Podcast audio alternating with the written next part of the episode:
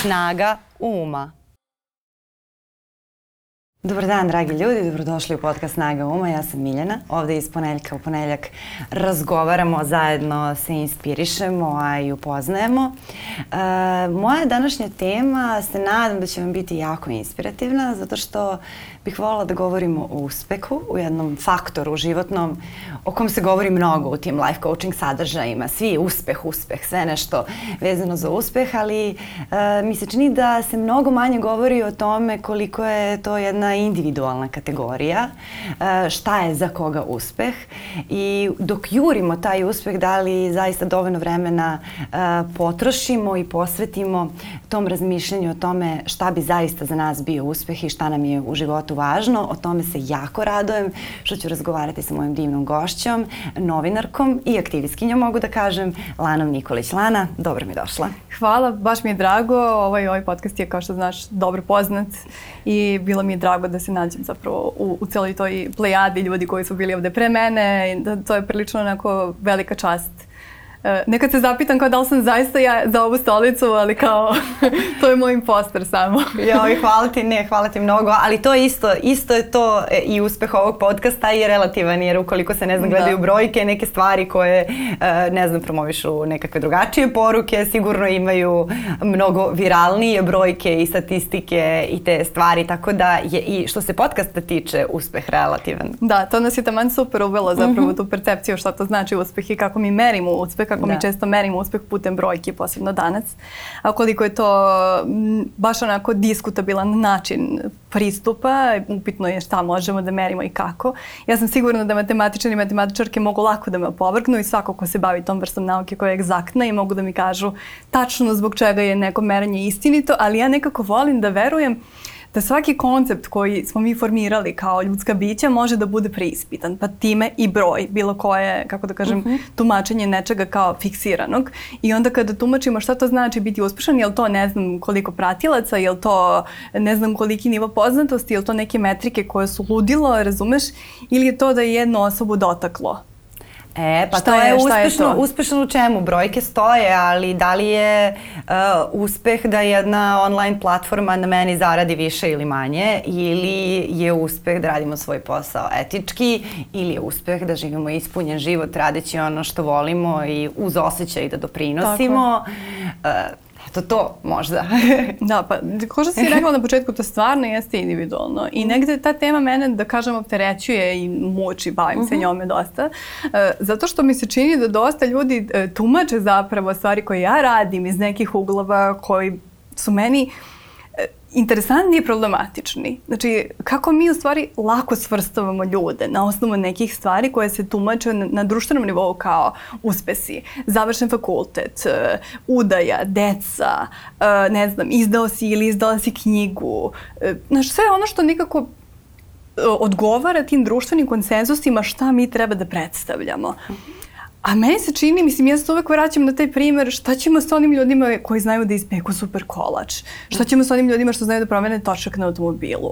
Mislim, na stranu što ja ne umem i ne mogu to da uradim fizički, ali kao, baš bih volela. Ja ne, ja ne mogu da razumem kao zašto mi vrednujemo jedno više nego drugo. Mislim, ok, molekularni, molekularni biolog ili biološkinja, pa mi možemo da kažemo sada oni imaju neka znanja koje zaista doprinose uh, nekom širem eh, planu i širem spektru, ali kao ovaj čovjek što zna da promeni gumu, Znaš, mislim i onda prinosi širem planu i širem spektru. Šta je to manje uspeh? Kako ja to da vidim? Mislim. A i tu je e, mnogo e, meni je dosta problematično kada gledam tu popularnu kulturu um, životnog treninga, te brze poruke za životni uspeh, te životne škole, takozvani rad na sebi, šta god mm. on značio, uh, sve je usmereno ka tome kako treba da se trudimo da bismo postigli uspeh. I ima strahovito mnogo sadržaja i na društvenim mrežama, na YouTube-u uh, i u popularnoj psihologiji, literaturi,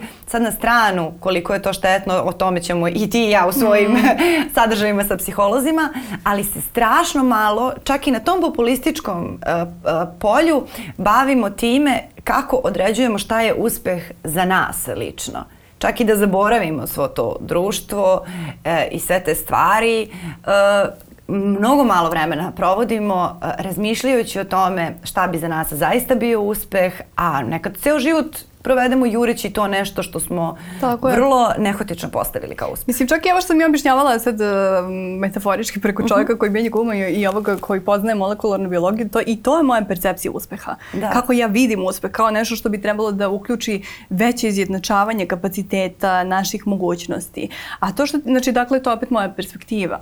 A to što ti pitaš uh, u smislu koliko puta jurimo nešto pogrešno, mislim, to ima i, i konkretan primer da dam. Uh -huh. ovaj, ja sam e, želela da doktoriram na filološkom fakultetu i sad je već poznato, ja mislim, na internetima da je moj najveći uspeh odustajanje od doktorskih studija, što je samim tim što je to odustajanje subrzivni element.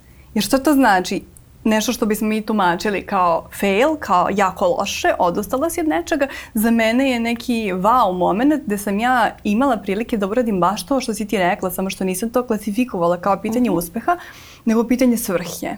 Znaš, zašto ja trošim energiju, emociju, život u nešto u što ne verujem, što je jako teško svestiti jer ti imaš sa svih strana pritisak kuda bi trebalo da ide tvoj put.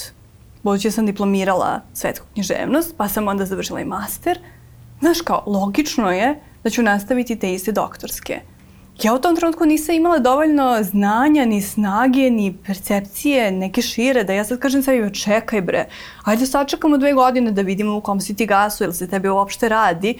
Ja sam gospođa otišla se ja upišem, da ne gubim vreme, sve sam završila u roku, pa ću i ovo da završim u roku. Taj moment gde se ti zapravo preispitaš je li ovo stvarno moj put? Gde ja ulažem svoje vreme i svoj život? Kod mene je to došlo posle tri godine Ja se sećam da je meni mama rekla izgubit ćeš tri godine i sve ovo vreme ako sada budeš stala. Ja sam rekla ako nastavim još jedan dan, onda će sve ovo vreme da bude izgubljeno. A ako budem stala sad kad znam da treba da stanem, onda će to vreme da bude samo jedno bogatstvo koje ja nosim kao iskustvo.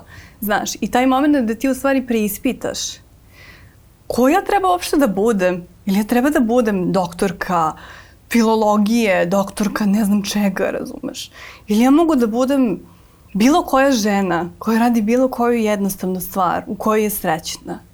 Makar se bavila grančarijom. Mislim, imam neke super prijatelje koji se bavaju grančarijom, koje obožavam, koji su u nekom trenutku života jednostavno shvatili to je sada moj put, to ću ja sada da radim. A to je to što si ti kazala, to je najteže uočiti. To je stvarno najteže uočiti. Gde je vreme da se stane, da se priispita, šta mene u stvari goni da radim baš ovo, a ne nešto drugo i kako ja da znam je li to ono što bi trebalo da radim ili nije. Budući da ljudski vek ograničen, imam vrlo malo vremena da napravim puno grešaka. Iako mi možemo, znaš, e, možemo da menjamo profesije mnogo puta i to je sada, mislim, vrlo moderno i dobro je, hvala Bogu da možemo to da radimo, ali i dalje da ovladamo nečim treba nam vreme. Naravno. Znači, što pre uočimo šta je ono gde smo srcem, to bolje ali na nivou uspeha čini mi se da on tu igra ulogu kao neki spoljni, jak pritisak, očekivanja, ideje koje ti potpuno nesvesno usvojiš i onda počneš da živiš po tome.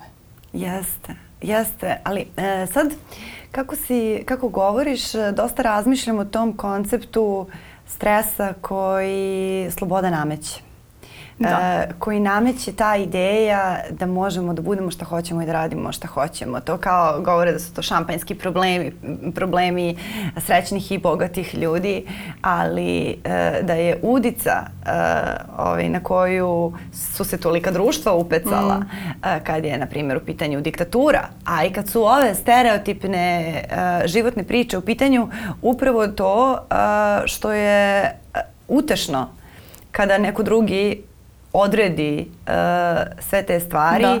i kada ti neko drugi da odgovore na ta vrlo duboka i ozbiljna filozofska pitanja na koja bi morao sam kojima bi morao sam da se Tako baviš. Je. Uh, e sada, ne znam da li si razmišljala o tome i, i k, ovaj, uh, da li je lakše? Da li samo nekim ljudima to u nekom trenutku postane neizdrživo?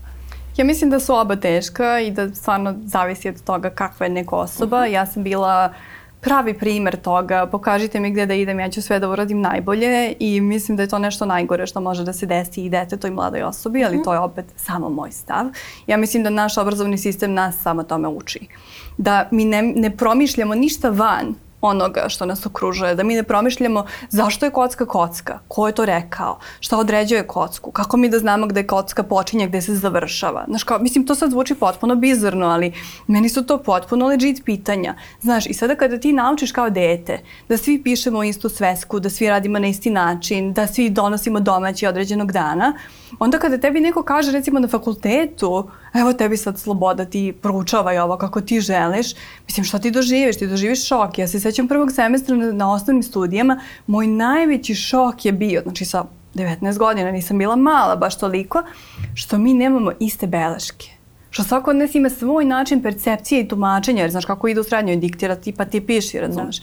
Svako ima svoj način kako nešto beleži, kako pamti, šta sa tim radi, kako ga reprodukuje. Ja sam tada prvi put shvatila iz kog sistema ja dolazim i šta u stvari ne bi trebalo da postoji. I sada kada to posmatramo na širem planu, u pitanju slobode i toga da neko odluči nešto za tebe, ja mislim da je to pitanje slobode uvek primarno i da bi trebalo bude prioritetno, da bi decu i mlade trebalo učiti da rade u slobodi, da se ne boje tog praznog prostora. Uh, okvir treba da postoji da, bi, da, bi, da bismo ga probili. To. to je ta neka vrsta, mislim, to ko za decu kad pričaju, znači nije nužno biti pretarano strog prema deci i postavljati intenzivne granice. Granice služe da bi dete znalo da dovde ne sme, ali da mora da nađe način da prekoračuje, da širi, da menja. Znači, to je i naš posao. Ako nas u školi to uče, da se granica nikad i nikako ne prekoračuje, jer ćemo inače dobiti posledicu, bar je bilo tako u moje vreme. Znaš, kako je to onda reprodukom na život? Kako ja da odustanem od tih doktorskih? Ako sam ja naučena da ako izađem iz sistema, mene će neko da kazni.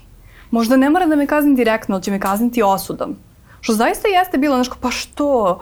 Pa što? Pa jesi sigurno da ne možeš? Pa samo se malo potrudi. Pa šta ti fali? Pa dotle si stigla. Ajde kao samo još malo. Znaš kao, to je toliko nekako potpuno odsustvo sagledavanja da je to možda nečija stvarna potreba i da mi ne možemo da znamo tuđu reakciju na slobodu ili tuđu reakciju na uslovno rečeno zatvoren prostor. Ja sam uvek za slobodu, ali sam svesna toga da moraju da postoje neki putokazi, ali da sve putokaze treba uzeti s rezervom. A, a kako si ti naučila i istraživala tu slobodu? A, ako te na taj način obuzeo taj sistem obrazovanja a, nakon što si otkrila razlike u, u, mm -hmm. u, u vidu, a, kako si to gradila kod sebe? Pa vrlo teško. Mislim, pošto imam uh, su, susteknute neke um, kako se to kaže, karakteristike ličnosti koje nisu srećne, imam naginjenje ka perfekcionizmu, užasno se bojim greške, uh, užasno se bojim da će to što ja uradim neko da otkrije da nije bila baš toliko dobro, da će da ode sad to negde, da će nastati neka kataklizma zbog toga što sam ja nešto uradila. Mislim, naravno, posle nekoliko godina na psihoterapiji to je sve mnogo manje, ali to nije nešto što je kod mene završen proces i to je nešto što je važno da naglasim. Ja stvarno duboko mislim da mi te procese koje su tako intenzivni za nas, koji su nam stržni kao za bića, da mi njih u stvari nikada ne, oko, ne okončavamo u potpunosti, nego da stalno radimo sa njima iznova i da imamo manje ili više, uslovno rečeno, uspešne izlete u, u te, kako da kažem, prostore sebe. E, kako sam ja to uspela da na neki način uslovno rečeno opet prevaziđem, tako što sam upisala druge doktorske. I, I svi ljudi koji me poznaju su vrisnuli onako bliski, mislim stvarno su onako, nije bila prava, većina se nije obradovala e, i to su mi vrlo iskreno i direktno rekli kao zar ti ne možeš sebe da ostaviš na miru, zašto to sebi radiš, zašto ne pustiš sebe da živiš. Na, mislim to je kao, i to zaista jeste bilo na neki način, ja sam morala se zapitam pa što ja ovo radim ili ja stvarno ne mogu da se smirim kao bez tog nekog okvira u kome treba da radim. Ali ja sam svoje doktorske studije ponovo opisala na Fakultetu za medije i komunikacije zato što sam želela da se suočim sa tim kako ja sagledavam proces e, obrazovanja, učenja i znanja, šta to za mene predstavlja, šta ja u tom okruženju radim i da se suočim sa sobom i svojom agonijom od toga da će neko da mi vrati rad, da će mi neko reći da nešto nije dobro, da nešto neće dobro da ispadne i naravno kao finalni i najveći užas da ja zapravo nikad neću doktorirati jer ja u stvari nisam za to, ali ne znam. što nas vraća na ono pitanje kako znamo šta je, ne, šta je za nas i kako znamo kada smo uspešni. Tako da ja sam trenutno u tom procesu, ja sam uspešno failovala i prenosim dva ispita u novu godinu, što je za mene zaista uspeh ogroman, kao da ja uspem da prenesem i da preživim to što sam prenela dva ispita i zato ja na sve strane toliko govorim o značaju greške. Ovo nije greška, ali kao da kažemo nešto što bi društvo klasifikovalo kao nedovoljan uspeh. Da. Znaš, samo malo je trebalo da se potrudiš. Pa šta ti je falilo? A, a sada kako, kako govoriš o, o, tom, o tim drugim doktorskim studijama, a, učenje u sistemu a, obrazovnom je na neki način ipak zona komfora. Jer yes. tamo na polju svet je haotičan, ne postoje tačni i netačni odgovori, svaki odgovor je i tačan i netačan, ne postoji neki siguran sistem niti garancija da će ti trud biti nagrađen. A, ocene su vrlo dvosmislene. Tako je. Sve je dvosmisleno. Vrijednost je dvosmislena. Na fakultetu devetka je devetka, šestica je šestica. Nema. Nema tu moja devetka je veća nego tvoja šestica. Devetka je devetka, desetka je desetka, šestica je šestica. Nema ja sam, moj doprinos je veliki, ali ovaj zarađuje 15 puta više od mene, iako lupeta gluposti. Znači, to, to ne postoji ipak postoji neki red. I da li je i to malo Misliš da li Čuvanje. Sam, da li sam zato? Pa ne verujem, pošto ja sam imala stvarno dovoljno mhm. -huh. iskustava u životu da nisam bila zaštićena ni na koji način i da nisam baš mogla da osetim taj životni red u smislu mhm. zaštite uh -huh. i sigurnosti koja dolazi od porodice i od te neke podrške. Ja sam imala podršku u smislu ljubavi, ali jasno, jasno. I onda, znaš, kao, teško da sam mogla da se u tom smislu zaštitim znanjem i učenjem. Ali, mislim, to uvodi drugi problem, da zanemarim sad, da, kako da. da kažem, izazove, a to je e, moje veze sa znanjem i učenjem i to što koliko je meni važno da mi zapravo znamo i da negujemo ljubav prema znanju i prema učenju, a da u isto vrijeme imam to kao užasan strah da mi u stvari nikad ne možemo da znamo sve, da je u stvari upitno koliko mi znamo, kako znamo, kako proveravamo informacije, da to tako mislim pomnoži sa milioni i dobit ćeš yes. moju glavu svakog dana kako izgleda. Ali jeste i to je taj neki osjećaj jer tebi znanje i učenje ipak da uh, ulivati sigurnost. Pa na neki način verovatno da, na neki način. Ne, ne mislim sad kao tebi, kao tebi, nego da, jeste, da, da. ima tu, ima Imaš tu, osjećaj kao ja znam ovo i kao to mogu da reprodukujem. Ali u nekom trenutku u svom životu ja sam shvatila, mislim, posebno na doktorskim zaista nema mnogo putokaza, mislim, ti istražuješ nešto što te zanima, pa sad sa srećom, mislim, tu su ljudi da ti pomognu, ali kao nije baš da će da ti neko ucrta celu mapu, pa samo ti izvoli, znaš. Mislim, postoji to pitanje kako se mi zapravo orijentišemo u, u tome i šta to nam znači i E, kako mi zapravo posmatramo našu poziciju u odnosu na druge. Meni je užasno važno da ja motivišem mlade da uče. Bez obzira što u našem društvu popularno sve samo, samo neučenje. I bez obzira na to što su mnogi ljudi koji su radili neverovatne stvari u oblasti nauke i vrlo su mladi, dobijaju neku treću stranu nečega, mislim, na internetu koju ono, niko živi ni ne gleda, osim mene koja ide mi na desetu stranu Google-a. Ali kao, znaš, to se ništa ne vidi, a ja želim da se mi negde vraćamo povremeno tome koliko je važno da znamo, koliko god sad bilo upitno, koliko možemo da fiksiramo znanje, kao što je upitno koliko možemo da fiksiramo uspeh i, i tačnost uspeha. Ali znanje je stvarno primarna stvar. I otuda i ta druga stvar koju ja stalno ponavljam svuda, mislim, ja sumnjam da će ovoj zemlji da se dogodi bilo koja promena u tom pogledu, ja zaista duboko verujem da svako znanje treba da bude besplatno i da svako znanje treba da bude svima dostupno. Znači da kada mi naplaćujemo znanje, mi automatski zatvaramo krug za mnogi ljude koji bi mogli da daju neverovatan doprinos. Mi ne možemo ni da zamislimo koliki doprinos, a nisu podržani da ja nisam bila studentkinja na budžetu na osnovnim i master studijama, ja nikada ne bih sedela ovde i razgovarala sa tobom. Da. I koliko ima takvih devojčica, dečaka koji u ovom trenutku ne znaju da li će uopšte moći da idu na studije i da li će uopšte moći da nastave to svoje razrastanje. To je negde, znaš, mislim na stranu sad samo moj perfekcionizam i to kako, mi, kako tumačim stvari i kako mi tumačimo stvari, stvarno bi trebalo da za svakog od nas postoji šansa da odabere, da padne, da odustane, da ne može. Mislim, to, to da mi e, naplaćujemo znanje, da ga onemogućavamo za ljude, da uvodimo prijemni ispit koji je kao neka garancija uh, toga da su da će proći samo oni koji su dobri. Isto kao što je to delimo one koji su na budžetu i one koji nisu. Pa na svakom fakultetu je gomila ljudi upisala prvu godinu i prošla na budžet i na drugoj godini ih već nije bilo. A možda su neki ljudi koji se samo zaista nisu snašli, koji su se samo zaista uplašili ili bili pritisnuti ko zna čime, nikad nisu dobili priliku da se razvijaju dalje jer ono, nisu imali čime da plate zapravo te svoje studije.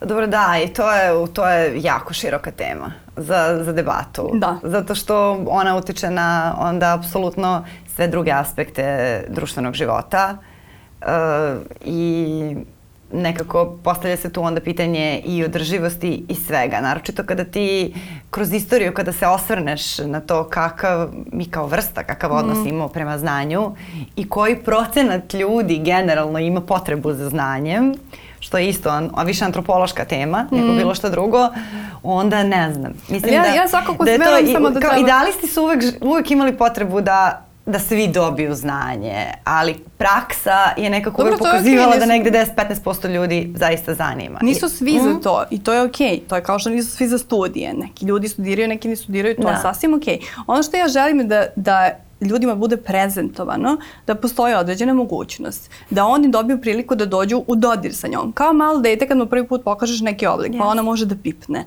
Njemu može se ne sviđati, neće time da se bavi. To je skroz okej. Okay. Ali mi ne možemo da oduzmemo nekome pravo da testira neki prostor da vidi da li je za njega ili za nju. To je ono što meni zapravo smeta, a što ne verujem da će ovde moći uh, da se dogodi u neko skorije vreme, jer mi zaista idemo ka tom nekom kapitalističkom obrascu koji se zasniva isključivo na dobiti uh, i koji zanemaruje upravo one koji su najosjetljiviji. Njima daje najmanje prilika. Tako da ja, mislim, ja ne mogu baš da budem uh, u fazonu, pa dobro, znaš. Ne, ne, naravno, baš... ovaj, ni ja, ni ja se slažem sa tobom, ali sam često razmišljala i prispitivala tu, tu svoju tezu, mm. jer, jer to nije redko da čuješ da, da ljudi misle da bi sve na ovom svetu bilo bolje kada bi svi imali pristup pravom obrazovanju i da je manjak znanja uh, vrlo blizak uh, i vrlo usko povezan i sa manjkom empatije uh, i sa mnogim lošim mm -hmm. stvarima koje nam, se, koje nam se dešavaju na nekim mnogo krupnijim planovima, tako da to sve u suštini vrlo, vrlo ima smisla. Pa da, mislim da opet moramo uzeti u obzir, čak i ovakvim sudovima koje ja sad iznosim, vrlo lični sud, da ja -hmm. smatram da treba to i to.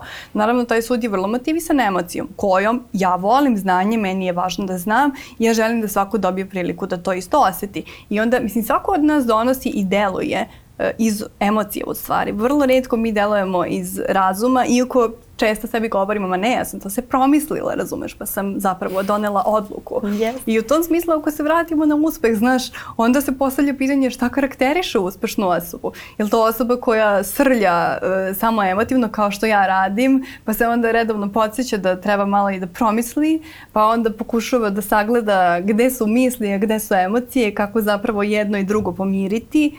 Znaš, ili uspešna osoba ona koju svi hvale u našem društvu, to su ljudi koji nemaju skrupula pola. Znaš, to su oni ljudi koji mogu da urade sve i koje ostali većinom gledaju sa divljenjem. Kako nemaš emocije, kako se ne uplićeš, kako znaš da odvojiš posao od privatnog, kako je to sve kod tebe jasno, znaš. Ja nekako mislim da to nije normalno. Ja sam svaki svoj posao radila odavde i svaki svoj posao sam radila s toliko mnogo emocije, naravno da mi to često bilo i zamerano, I onda ja mislim kad uđem u radnu sredinu meni je fascinantno da ljudi mogu znaš, da ostave svoj posao i samo da odu kući. I, da, i ništa.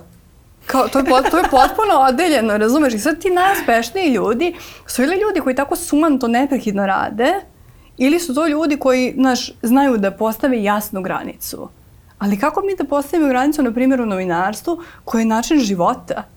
Znači, to nije sada da sam ja odebrala neku profesiju, slučajno u mom slučaju zaista, I da sam onda sad idem kući, znaš, spuštam laptop, gotovo je. Ti sve vreme pratiš, gledaš, promišljaš. Pa da. Ti ne možeš da se odvojiš od toga. I kad čitaš sve što čitaš, sve što, sve što upiješ, dok šetaš ulicom, pa da. sve što vidiš, to je deo Gledaš toga. Gledaš šta, šta može iz toga da nastane, ili može tekst, ili može ome da se priča. A, a da li je tu možda uh, ta, ta linija koja je zdrava i ta granica? Jer mislim da je možda to nešto što sam ja pronašla kod sebe. Mm -hmm. uh, da to se nikada ne uključi ne isključi, ali sam uspela da isključim onaj deo koji me umara.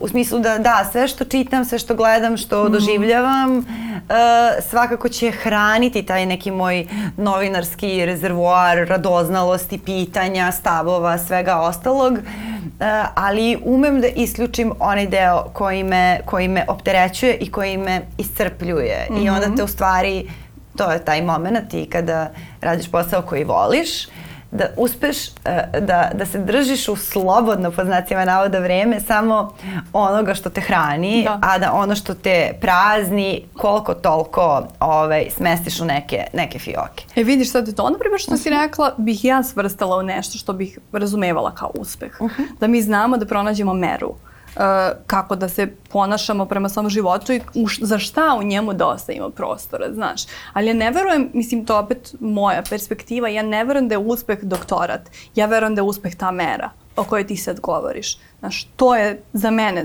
uspeh.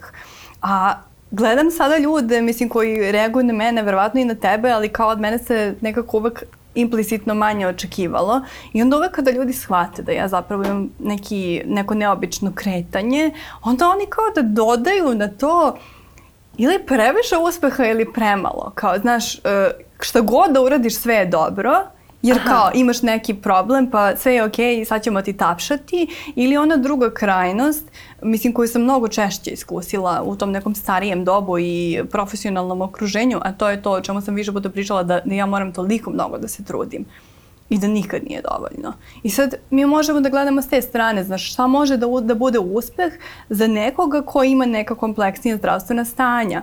Meni je jako teško da posmatram uspeh vrlo tipično, u smislu je li imam kancelariju na desetom spratu sa klimom, što je mnogim ljudima definicija uspeha i da li sam zvana na važne sastanke, prisutna svuda, znaš, da li umem da ispečem proju ili u mom slučaju da li mogu sama da uđem u kadu.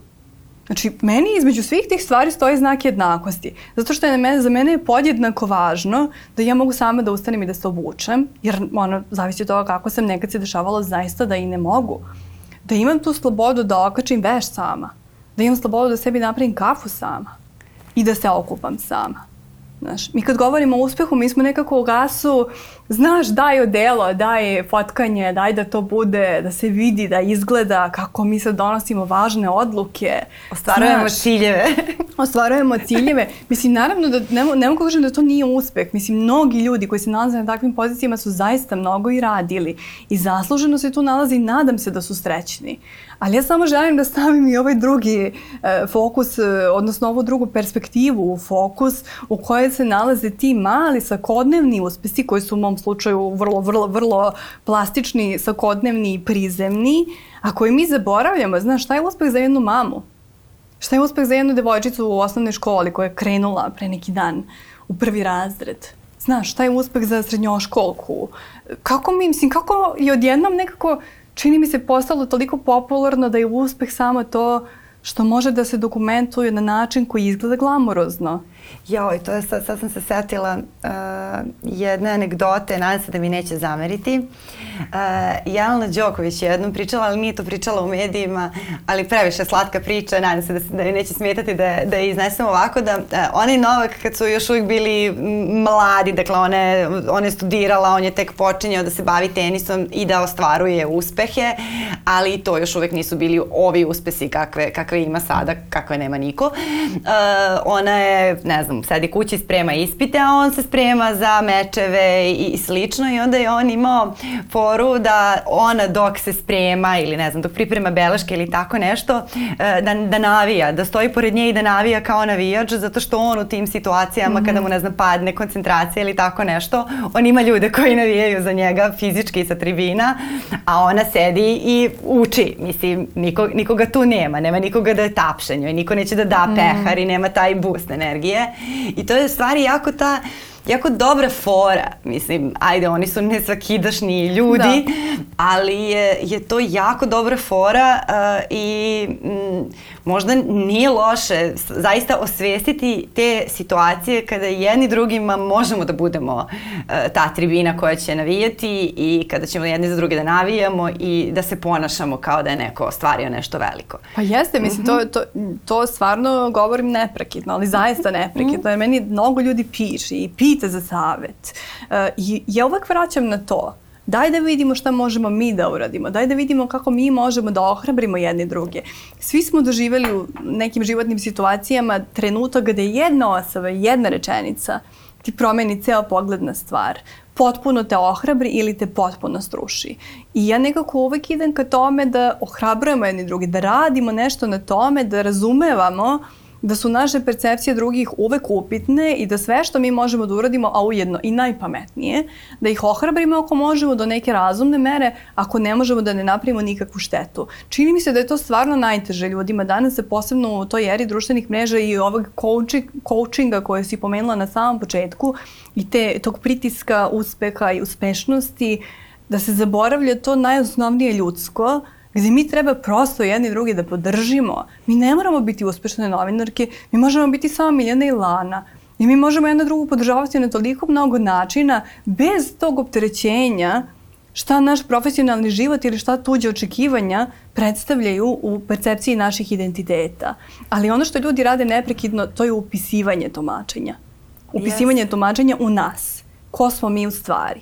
Ja duboko verujem da ljudi stvarno misle da sam ja neka mnogo cool osoba, često. Ali ti jesi mnogo cool. Pa dobro, znaš kao, možda malo. Dragi ali... ljudi koji misle da Lana mnogo cool osoba, pravu da, ste. Pišite, pišite u komentarima. Ja znam 10 godina, pravu ste. pišite u komentarima da vidi i ona. Skoro sam se smela. E, ja, kod mene su isključeni komentari. Mislim, trudim ja, se na YouTube. Da, da, da, poučena ovaj, iskustvima. Poučena iskustvima drugih. Ali skoro smo imali situaciju da sam ja nešto postavila neku potpuno random sliku na Instagram svoju neku, neki selfie, ne znam ja, i to je jako puno ljudi lajkovalo, neću sada iznositi brojke, ali stvarno, stvarno puno. I sad meni moj dečko kaže, pa dobro, jesu svi ti ljudi blesavi? Šta ti misliš kao, jel oni tu samo sebe je klikću tako random, kao, zato što ja uvek imam to, da li sam je stvarno, uh, oni vide više nego što ja jesam, oni vide bolje nego što ja jesam, oni domišljaju, domaštavaju, uh, znaš, pitaju me za neke savjete za koje ja nisam stručna, niti smem da ih dam. Nekako očekuju od tebe kao da ti imaš neko znanje i neku mudrost koju možeš da tu sad prospeš i da im rešiš probleme. I imam situacije gde meni kontinuirano pišu isti ljudi da mi postave slična pitanja. Znaš, i onda sam se ja negde zapitala i zato sam ti rekla da pokrenemo tu temu negde uspeha uh -huh. kao mhm. nešto što je meni mnogo važno, to da mi moramo stvarno da preispitujemo jedni druge neprekidno, ne u lošem smislu, nego jednostavno, znaš, dobila sam poruku, ja tebi verujem šta god da kažeš. Pa, on, molim vas, nemojte mi verovati šta god da kažem. Mislim, svaku stvar koju ja govorim, vi treba da preispitate za sebe.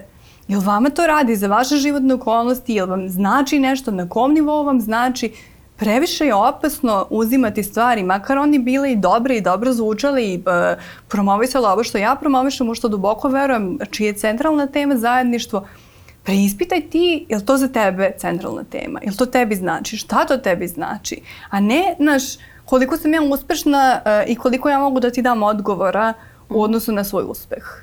A, a pomenula si taj moment ranjivosti i e, tu drastičnu razliku u tome kako, kako ljudi percipiraju tvoj uspeh, pa ili u, u hiperboli mm -hmm. a, koja ti ne prija ili u, u nekom potpuno drugom kontekstu. A, e sad, kako si ti e, zamišljala uspeh u tom nekom periodu kad si, ne znam, e, bila tinejdžerka i to uh, imala odnos prema svom kretanju i, i, i prema svom zdravstvenom stanju. Uh, da, kako je to kod tebe, kod tebe izgledalo? Kako si se ti nosila sa tim, uh, sa tim što ćeš realno morati da se trudiš više i da se dokazuješ više? Uh, kako si to shvatila? Pa nisam ja toga bila svesna. Uh mhm. -huh. Mislim, to je velika sreća. Jer da jesam, teško da bih uradila sve što jesam uradila. Da, isto kao što rodnog, e, ove, rodne diskriminacije mm, nismo svesni u tim da, godinama. Da, da ne, ne, ne vidiš to i dobro mm. je što ne vidiš u nekim situacijama, ne za rodnu diskriminaciju, ali ovde je meni vrlo to pomoglo jer mislim da bi me mnogo povredilo i da bi, da bi ta povreda pala na mnogo nežnije tlo mm -hmm. koje bi teško moglo da se tim izađe na kraj. Uh, šta sam ja radila kada sam to percipirala? Pa ja sam imala jednu vrlo nerealnu sliku sebe, što je sjajno opet. Neku potpuno nerealnu sliku kako ću ja do 19. godine da budem u Londonu uh, i kako ću imati super stan prepod knjiga i kako ću ja da se snađem i da budem najbolje u svemu uvek gde god da se nađem. I onda naravno kako se približavalo to vreme, bilo mi je sve jasnije da to nije baš realna slika što sam starije postajala, ali to mi je naučila jednu važnu stvar – koju stalno govorim kome god mogu da je kažem, a da smatram da može da bude korisna, a to je napravite što nerealni cilj. Znači može da bude totalno ludilo kao taj moj London koji je ono stvarno nerealno kad ti imaš u vidu da ja u tom trenutku živim u selu na jugu Srbije sa roditeljima koji ne rade. Znači kakav crni London, razumeš, pa ti nemaš da uđeš u UK. Ali mislim, znaš kao, što bi ja to znala o tim godinama. Znači postaviš taj jedan totalno nerealni cilj I onda na putu do tog cilja ne samo da naučiš gomilu stvari, yes. nego ostvariš još milion nekih sitnih ciljeva koje, za koje se kasnije ispostavi da su bili ono što je trebalo da ostvaruješ. Ali da nemaš tako neki potpuno ludi cilj koji je ono za koji će svi da ti kažu ma šta pričaš. Onda kao da ne možeš da održiš to neko dete u tebe koje neprekidno mašta i ima poverenje da neke sulude stvari mogu da se dogode. Postoje ograničenja, naravno, ali i, i treba imati to u vidu. Ali ja duboko verujem da treba da postoji neka velika želja ka kojoj mi idemo i koju možemo naravno da menjamo. Promena je jako važna. Ja se jako bojim ljudi koji, koji se fiksiraju za nešto i teško im je da, znaš, siđu, e, mislim čak i oko ih to mnogo košta sa tešine koje njih vozi. Dobro, zašto to je ego? Pa da.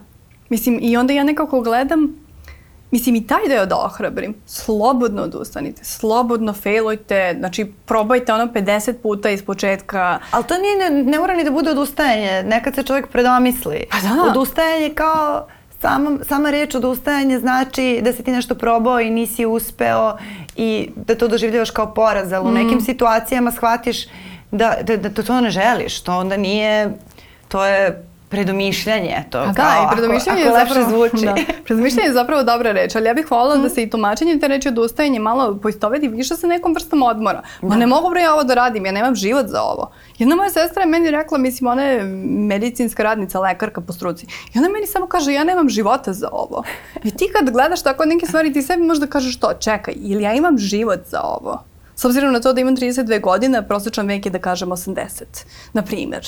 Znaš, koliko ja onda još ima vremena da trošim sve što, što jesam i što mogu potencijalno da budem. Mislim, mnogo puta me ljudi pitaju kao, na šta tebe inspiriše, kako ti radiš stvari koje radiš. Mislim, mene inspiriše to, da ja znam da imam rok trajanja i da svako od nas ima rok trajanja i da u tom kontekstu e, treba vrlo pažljivo da radimo sa onim što nam je dato. U smislu da iskoristimo najbolje što možemo. Pa sad moja baka koja zna da odgaji super papriku, na primer, ona radi svoj deo posla. Ja radim svoj deo posla. Ali moramo da imamo na umu tu konačnost. A čini mi se da se u kontekstu uspeha e, mnogi ljudi ponašaju kao da će živeti milionima godina Znaš, kao da ima vremena za sve i kao da svaki, da njihovi postupci ne ostavljaju nikakvu posledicu. A ja stalno kada radim, ne samo da imam na umu da ću ja da prođem jednog dana, da me više neće biti, pa znači moram da ostavim što bolji trag i što plemenitiji, ako je to ikako moguće za jedno ljudsko biće koja mnogo greši ili se mnogo i trudi. Znaš, nego i taj moment, kako da kažem, da, da se opet vratim na to pronalaska mere. Yes. Znaš. A, a, ali i taj moment e, koji se isto zanemaruje u, u ovoj jednoj kulturi koja kao, ajde, govori o burnoutu, ali s druge strane i gura ljude u burnout, da. jer ti kada pogledaš šta je to što se promoviše i koji se pristup promoviše, e, ti life coachevi, čak i neke poznate ličnosti se ponašaju kao oni uh, u, u vojci, što, što, što stoje ljudima nad glavom i viču, ajde sad 1234. sklek odmah.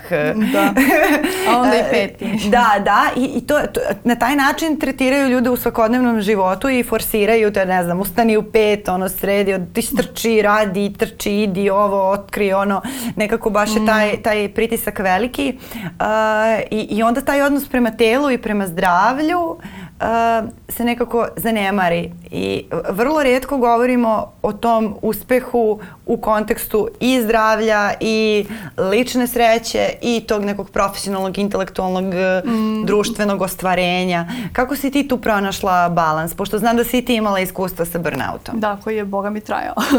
ovaj, pa mislim, ja sam pronašla balans tako što je mene moje telo nateralo da pronađem balans jer mi je vrlo jasno pokazalo šta će da se dogodi ako ne pronađem balans. Ali si ga čula? Pa čula sam ga jer mi nije ostavilo izbor. Uh -huh. Inače, da je postojala jedna mrva mogućnosti da ga, da ga ignorišem, ja bih to nastavila da radim. Jer sam tako živala ceo život. I tako svako od nas koji je upadao u burnout uh, pre ili kasnije u životu, to je većina ljudi je takva, da zagrizu više nego što mogu, da nose sve to jer osjećaju stalni pritisak da moraju da, što se kaže, overačivuju, odnosno da postižu previše. To je jako karakteristično za, za mlade koji, mislim i za ljude generalno koji imaju neke izazove zdravstvene ili nekih drugih vrsta i koji stalno imaju potrebu da se dokažu. Ja sam bila svesna vrlo rano da to kod mene dolazi odatle. Da ja u stvari kompenzujem i pokušavam sve vreme da dokažem da sam ja dovoljno dobra. I ne samo da sam dovoljno dobra, nego da sam najbolja. I ne samo da sam najbolja, nego ću sve da vas premašim iako sam ovakva. E onda mi je trebalo jako dugo vremena da, nekako to iznivelišem, ali je ostao taj, ostala je ta težnja da se radi preko svake svoje granice, koja je kod mene bila negde i neizbežna, jer moje telo zaista mnogo toga ne može. I da bih ja ostvarila ono što društvo od mene želi, dakle kapitalistički sistem rada i funkcionisanje koji iscrpljuje radnika do krajnje granice da bi dobio neku dobit, taj sistem je od mene tražio više nego što sam ja mogla da mu dam. Kada moje telo više nije moglo to da radi, a ja nisam želela da stanem, ono je stalo samo Mislim, i kada se ti nađeš u sobi, gde ležiš i gledaš u plafon, znači ovako ležem i gledam i govorim sebi, to je to. Ja više nikada neću napisati tekst. Ja više nikad neću moći ništa da promislim, ja više nikad neću moći da dobijem novu ideju. Znači, to je, to je jedno totalno iscrpljenje i fizičko i mentalno koje, mislim, toliko bilo strašno i toliko me je uplašilo uh, da sam stvarno posle toga kad sam, ja sam vrlo nedavno izašla iz tog stanja, možda ima mesec dana i dalje sam šokirana da se kao moje telo koliko toliko oporavilo i da ja mogu da funkcionišem, da radim sve stvari koje radim, pa i ovde da govorim, jer mislim da mi to bilo vrlo nezamislivo, toliko sam bila istrpljena, da, da zapravo u nekom trenutku moraš da, da postaviš sebi to pitanje koje stvari više nikada nećeš dozvoliti sebi.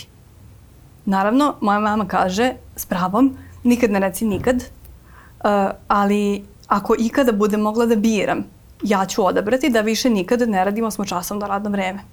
A posebno ne radno vreme koje pre prelazi taj broj sati.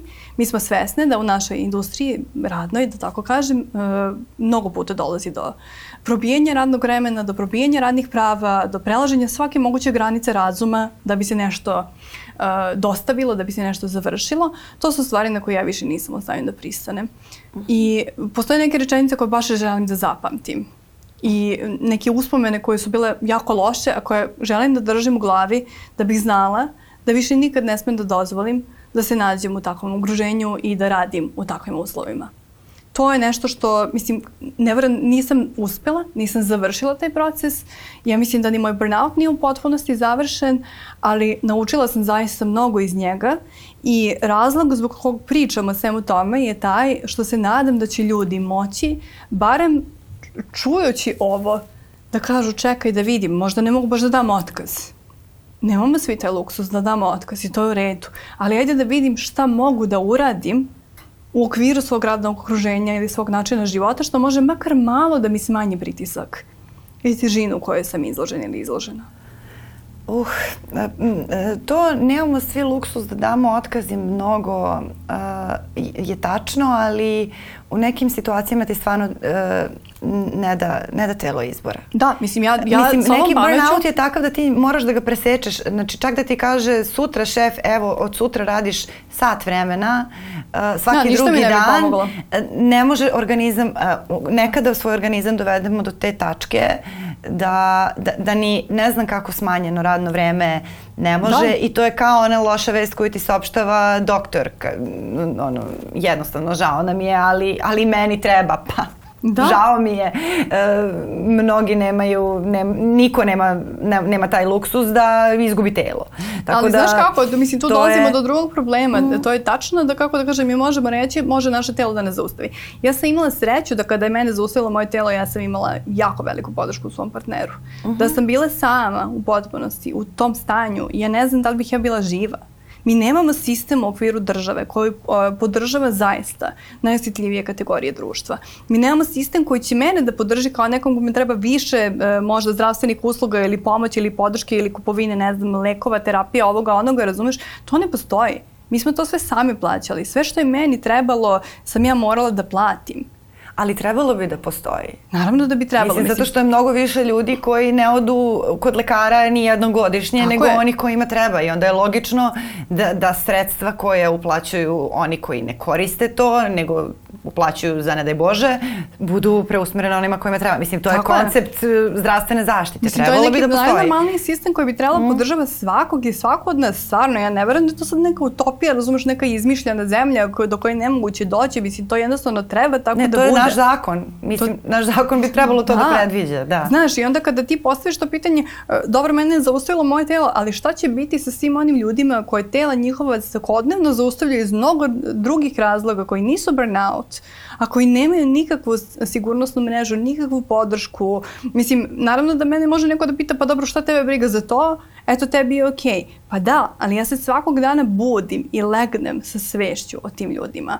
Zato što ja mm. sebe ne posmatram odvojenom od njih. Ja sam bila tako dugo na samom dnu te društvene lestvice i siromaštva i brige i nekog, kako da kažem, nekih ogromnih izazova, da ja jednostavno nikad to ne mogu i ne želim da zaboravim i ako sam se našla u situaciji da mogu da govorim i da se bavim nekim stvarima, ja zaista smatram da je meni dužnost, to ne mora svako da uzme i da tumači na takav način, ja tumačim, da ja moram o tome da pričam. I da ako sam ja bila u situaciji da sam u totalnom burnoutu, totalno iscrpljena i da ne znam ni šta mi je ni kako tome da priđem, a imam podršku, ja sve vreme mislim šta je sa onim ljudima koji nemaju podršku? I kako to da mi kao društvo to ne rešavamo. Ali ajde sada da se vratimo, pošto ti je svež burnout i slobodno mi reci mm. ukoliko ti je to previše, zato što je burnout, o tome se isto ne govori, i jedno vrlo traumatično iskustvo jest, jest. i to je isto iskustvo traume koje može da ima i posttraumatski ovaj, period svoj i nije uvek lako govoriti o tome, isto kao što nije lako govoriti o drugim mm. traumatskim uh, iskustvima.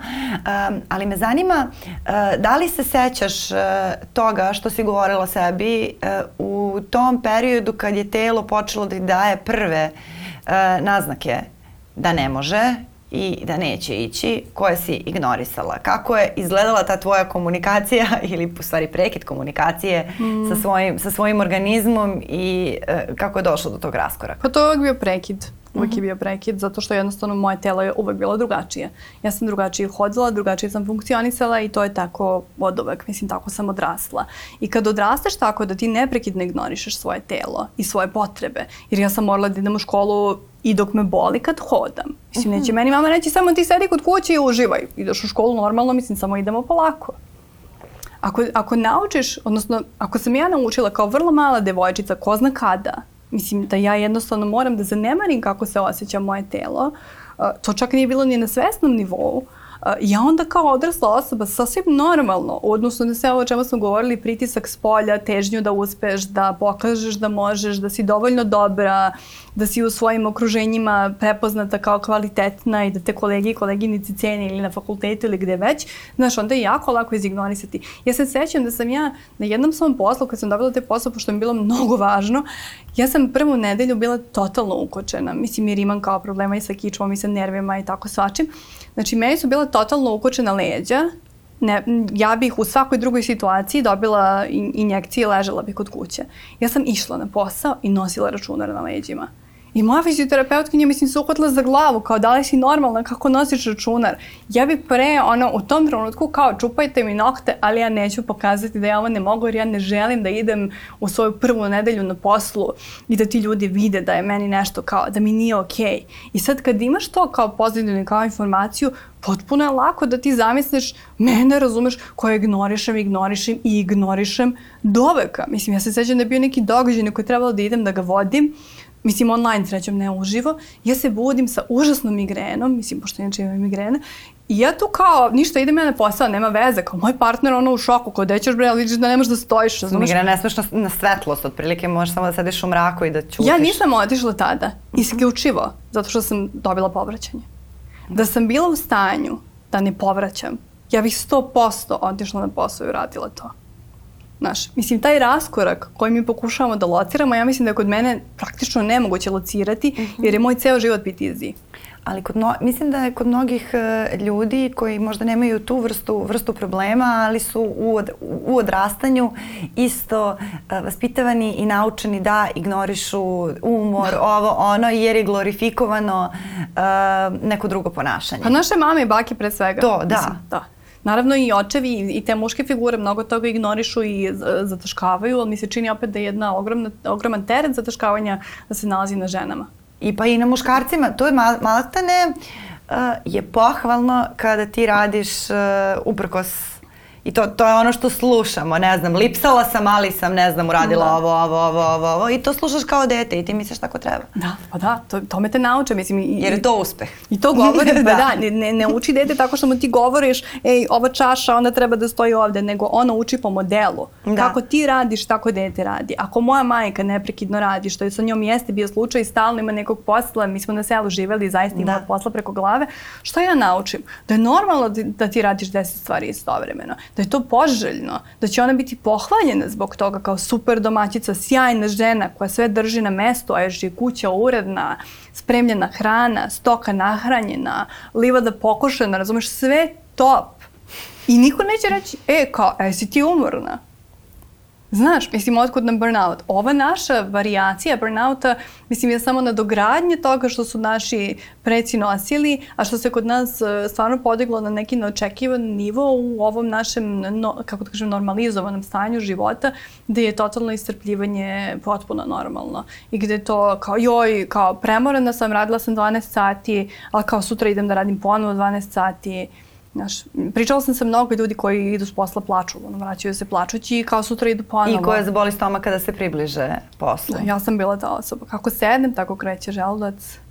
Da, tako da mislim, to su stvari Ali koje dobro, stvarno ne bi to, trebalo da... Da, i to, to, to je ta posledica toga kada ti strašno mnogo energije uložiš u jurenje uspeha koji nisi dobro Tako definisala je. u stvari. Je. Možda nije stvar ni u definiciji, nego mi ne možemo da znamo da li je nešto za nas dok ne probamo. Da. A nekad proba nečega, što bi rekla moja mama, opet da citiram, svaka škola se plaća, e to je stvarno tačno mislim, iako ja želim kao u tom nekom smislu brige za ljude da se ne plaća ako može, ali u ovom smislu životna škola zaista se plaća i naravno da, kako da kažem, svakako je svaka od tih naših unutrašnjih cena koje smo platili imala je svoje mesto u našim životima, ali definitivno bih volila da sam neke stvari drugačije mogla da promislim, da sam mogla da ih izbegnem, da sam mogla da procenim, ko što kažeš, malo bolje, mm. da bih znala kuda da, da krećem i kako da u stvari formiram svoj put.